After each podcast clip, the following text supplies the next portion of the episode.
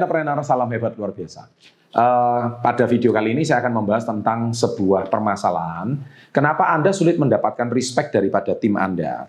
Jadi sering kali mungkin Anda kurang dihormati atau kurang respect daripada tim Anda, anggota tim Anda, bawaan Anda, kemudian juga anggota organisasi Anda, sering kali bermasalah. Nah, di sini setelah saya research, itu ada tiga penyebab kenapa Anda sulit mendapatkan respect daripada anggota tim Anda. Tapi setelah yang satu ini.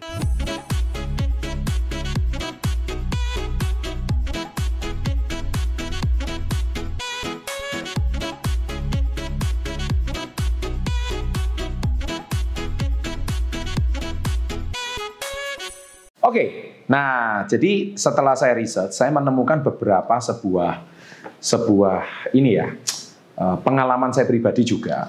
Kenapa anggota tim Anda atau uh, anggota organisasi Anda sering kali kehilangan respect sama Anda. Nah, jangan-jangan Anda punya tiga penyebab. Nah, penyebab yang pertama di sini sebelum saya bongkar jangan lupa subscribe dulu ya. Oke, saya tunggu ya. 3 2 1. Terima kasih. Thank you.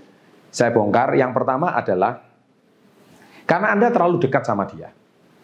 Ya, jadi Anda mungkin sering bersama-sama sama dia, bercanda sama dia, mungkin sampai masuk ke ranah privasi Anda, bahkan mungkin keluar masuk rumah Anda itu udah biasa, sehingga tidak ada jarak. Nah, ketika Anda tidak ada jarak, otomatis eh, Anda akan dianggap sebagai seorang sahabat karib. Kalau dianggap sebagai sahabat karib, otomatis dia juga sudah tahu kelebihan dan kelemahan Anda karena tidak ada manusia yang nggak punya kelemahan. Ketika seseorang sudah sangat terlalu akrab, otomatis jarak itu tidak ada. Ketika tidak ada lagi jarak, maka setiap orang itu akan kehilangan respect. Beda kalau Anda setiap hari Anda itu jarang bertemu, Anda ada uh, apa jarak ya. Jadi misalkan kalau Anda ke kantor atau Anda misalkan ada pertemuan atau ada rapat, tetap batasan itu ada gitu.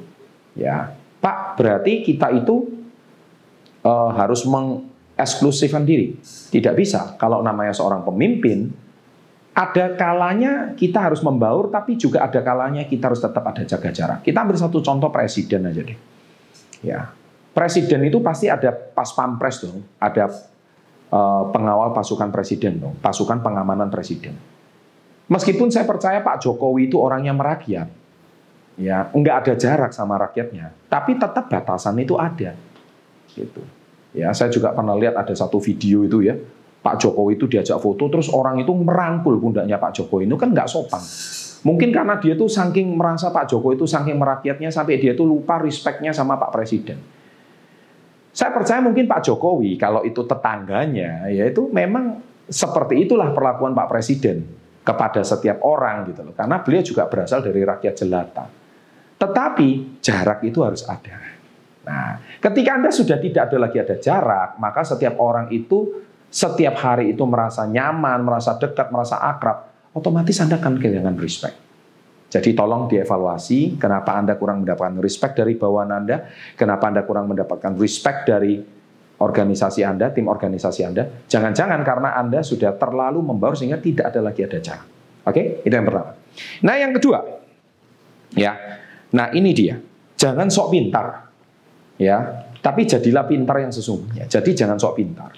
Ketika kita menjadi seorang pemimpin, ketika kita mengeluarkan statement dan kata-kata yang dalam tanda kutip itu ngawur atau tidak ada bukti dan data kevalitannya, maka kita akan dianggap dicap sebagai pemimpin yang tidak punya kredibilitas, apalagi integritas. Ya, ketika Anda menyampaikan suatu statement dan kata-kata, otomatis kata-kata Anda itu Anda bisa pertanggungjawabkan.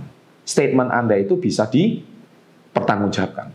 Dan kata-kata tersebut itu mempunyai muatan yang sangat positif dan betul. Ketika Anda mengungkapkan sebuah dalil, otomatis dalil itu memang bisa dipertanggungjawabkan. Nah, jangan sampai ketika Anda menyampaikan sebuah dalil itu malah diketawain. Ya, kelihatannya terlihat jago, hebat tapi lucu gitu. Ya. Nah, itu yang kedua. Yang ketiga, ketika kenapa Anda kehilangan respect yaitu tindakan berbicara lebih hebat daripada kata-kata. Ya.